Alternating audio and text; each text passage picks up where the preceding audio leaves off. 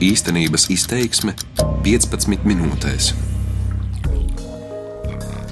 Gaidāmā Lielbritānijas izstāšanās no Eiropas Savienības var ienest vairāk pārmaiņu blokā nekā daudzi to bija sākotnēji iedomājušies. Tādēļ neviens vien Eiropā tagad ir sarosījies un mēģina saprast, kā noturēt vai pat palielināt savu ietekmi. Viena no tādām valstīm ir Nīderlande, kas ir sākusi aktīvi stiprināt attiecības gan ar saviem tuvākajiem kaimiņiem, Beļģiju un Luksemburgu, gan arī ar Skandināvijas un Baltijas valstīm. Daži žurnālisti to ir nodēvējuši par jauno Hanzas Savienību, bet citi saka, ka Nīderlandai tagad ir pievienojušies septiņu rūķi. Mans vārds ir Arčuns Konahaus, un šīs dienas raidījumā īstenības izteiksme runāsim par to, kā veidojas un cik noturīga varētu būt jaunā alianse starp Baltijas jūras valstīm un viena no Eiropas Savienības pamatlicējiem - Nīderlandi.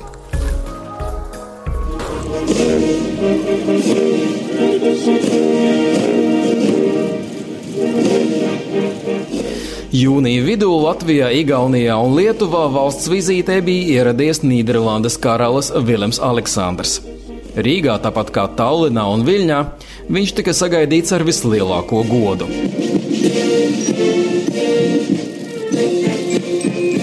Lai arī oficiāli Nīderlandes karalis bija atbraucis, lai atzīmētu trīs Baltijas valstu simtgadi, Šī vizīte deva arī iespēju stiprināt diplomātiskās attiecības laikā, kad Eiropā notiek ietekmes pārdala un veidojas jaunās alianses.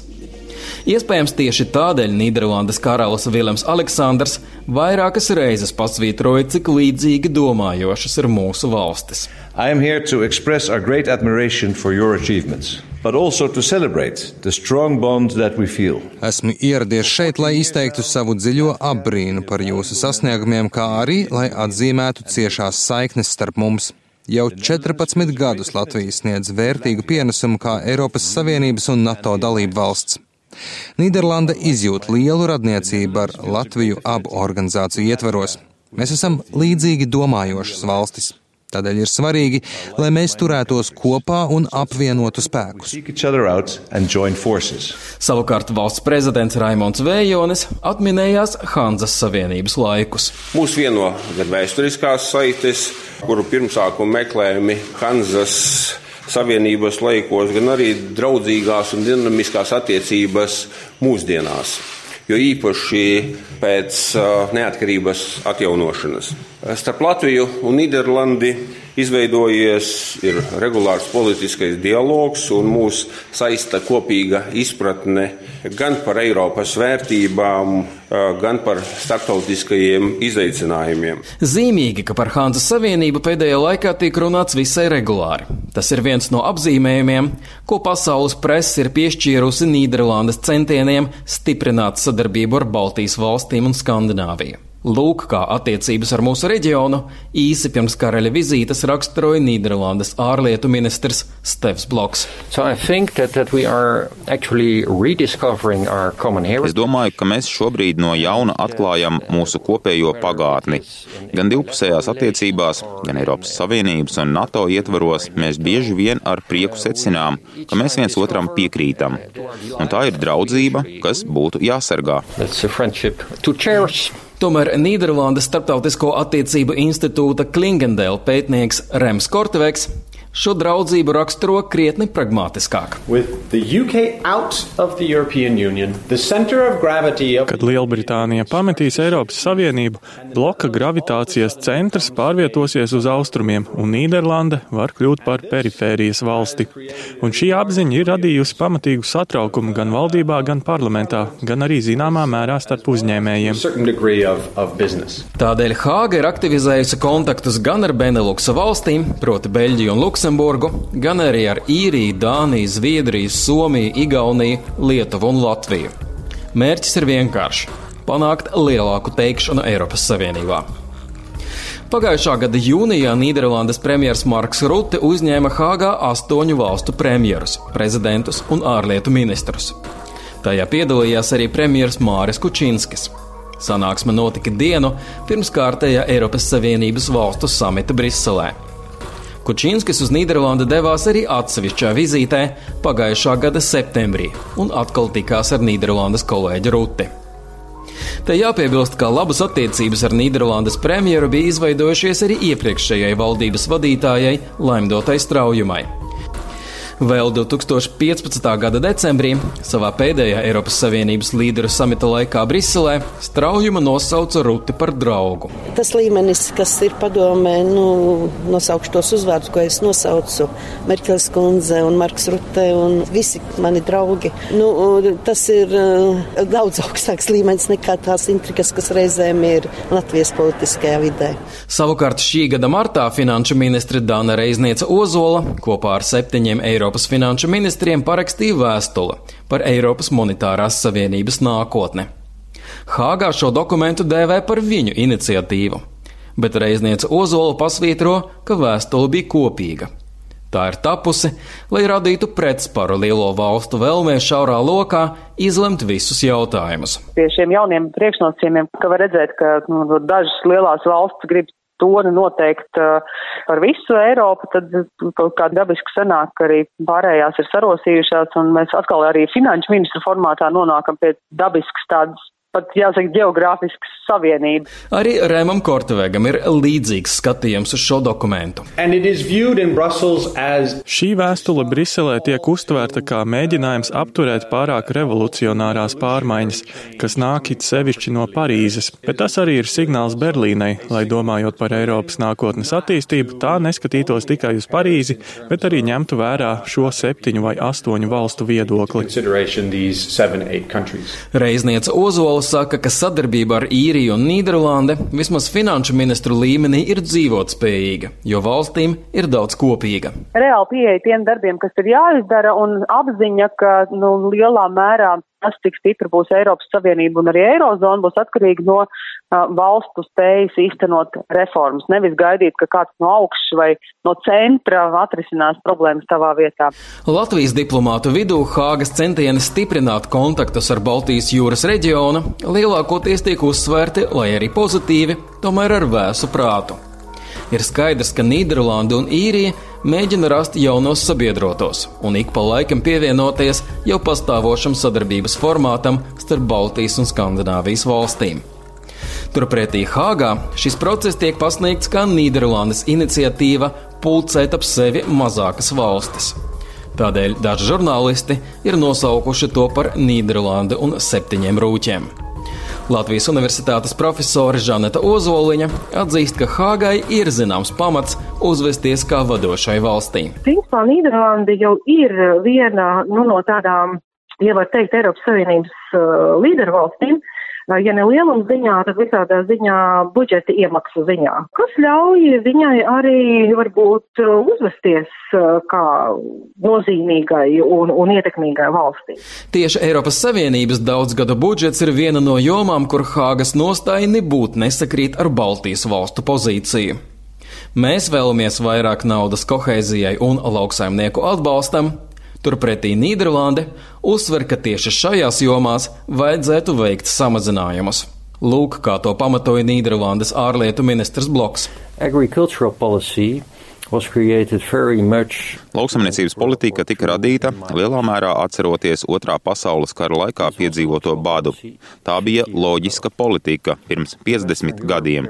Tagad Rietumē Eiropā nepastāv bada draudi. Tādēļ mums būtu jēga saglabāt subsīdijas pārmaiņām lauksaimniecībā, piemēram, lai padarītu to ilgspējīgu, jo lauksaimniecība rada ietekmi uz vidi bet sākotnējās bažas, kas pastāvēja veidojot šo atbalsta politiku, vairs nevar tikt loģiski pamatotas. Savukārt kohēzijas fondiem, kas tiek izmantoti gan ceļu un kanalizācijas izbūvei, gan bezdarba mazināšanai, ir jābūt tikai uz ierobežotu laiku, uzsver bloks. Bet, protams, ka kādreiz tam jāliek punkts. Nevar 20 vai 30 gadu pēc iestāšanās joprojām teikt, ka ir nepieciešama nauda, lai sasniegtu pārējo valstu līmeni. Būtu loģiski jāpienāk brīdim, kad ir iespējams teikt, ka valstis ir saņēmušas atbalstu pietiekami ilgi, lai tās varētu sasniegt zināmu labklājības līmeni. Un daudzās valstīs pēc iestāšanās Eiropas Savienībā patiešām ir bijis milzīgs ekonomiskais izrāviens un dažādu iestāžu reformas. Bet šī palīdzība nevar turpināties mūžīgi, jo tad sanāk, ka Eiropas Savienībai nav jēgas, jo dalība tajā nepalīdz sasniegt augstāku pārticības līmeni. Šo Nīderlandes valdības nostāju nesen pasvītroja arī premjers Rute. Viņš jūnijas sākumā uzstājās Eiropas parlamenta debatēs Strasbūrā par Eiropas nākotni. Rute pasvītroja, ka Eiropa var mīlēt arī netērējot arvien vairāk naudas un nemēģinot kļūt par federālo savienību. Well, es esmu par Eiropu un esmu par Eiropas Savienību. Tādēļ es uzskatu, ka šī doma, ka valstīm būtu aizvien vairāk jātuvojas viena otrai un pakāpeniski jākļūst par federālo Eiropu, nepalīdzēs izveidot labāku Eiropas Savienību. Tieši pretēji, tas daudzus atgrūdīs no Eiropas. Tādēļ es mudinu vairs nelietot frāzi ar vien ciešāku savienību, aizstāt to ar jēdzienu labāka savienība. Mums ir jābūt skaidrībai par to, kādos šajos jautājumos mēs savstarpēji sadarbojamies un ka tieši dalību valstis ir Eiropas Savienības pamatā, bet virzība pretī federālajai Eiropai vairs netiek apspriesta. Atbildot uz to, Eiropas parlamenta priekšsēdētājs Antonio Tajāni bija spiests pasvītrot, ka deputātu vairākums nepiekrīt Hāgas pozīcijai daudzgada budžeta jautājumā. Eiropas parlamenta pozīcija budžeta jautājumā ir ļoti skaidra. Mēs vēlamies vairāk naudas. Mēs gribētu sasniegt 1,3% no IKP, bet mūsuprāt tas būtu jādara palielinot pašu ieņēmumus. Rutas pamācīšana, ka visām valstīm ir jāsaved savs budžets kārtībā, nebija paprātam arī zaļo grupas vadītājai Skā Kellerei.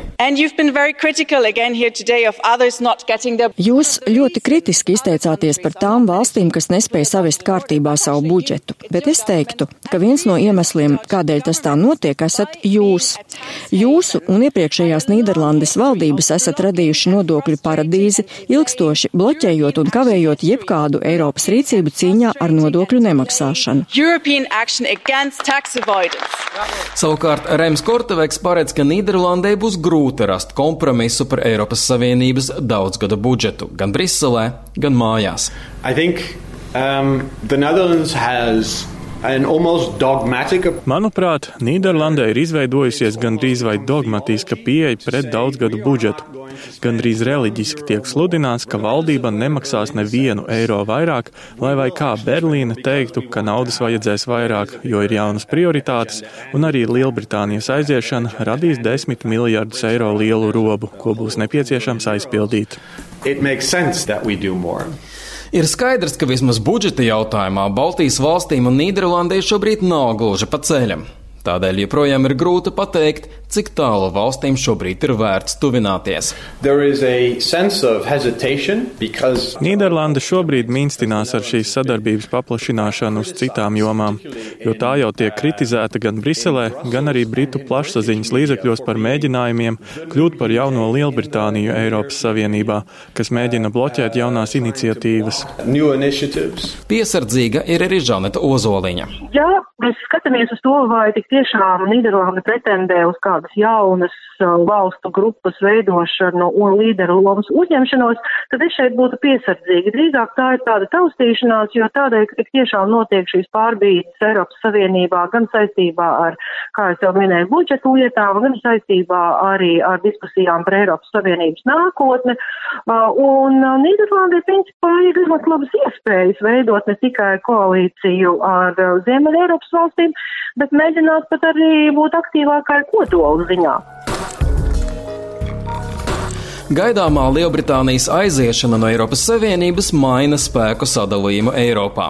Tādēļ valstīm nākas pārskatīt līdz šim pastāvējušās alianses. Sabiedroto meklēšana vienmēr ir bijusi viena no Eiropas Savienības politikas stūrakmeņiem, un alianses var mainīties no viena jautājuma uz citu. No vienas puses Baltijas valstu tēlam neapšaubāmi nāk par labu tas, ka mēs arvien vairāk tiekam uztverti kā daļa no konkurētspējīgas, dinamiskās un racionāli domājošās Ziemeļa Eiropas. Un Nīderlandes piesliešanās var iedot lielāku spēku šim valstu blokam. No otras puses, Hāgas vēlme bloķēt dažādas Eiropas Savienības reformu idejas, kas nāk no Francijas un Vācijas, liek Latvijai būt piesardzīgai. Jo nebūtu ne viss, kas ir paprātam kādam citam, ir arī mūsu valsts interesēs. Šo raidījuma īstenības izteiksme sagatavoja Latvijas Rādio Briseles korespondents Arčuns Konahaus. Par labskanību rūpējās Renārs Šteimanis darbības vārds īstenības izteiksmē izsaka darbību kā realitāti - tagadnē, pagātnē vai nākotnē, vai arī to noliedz.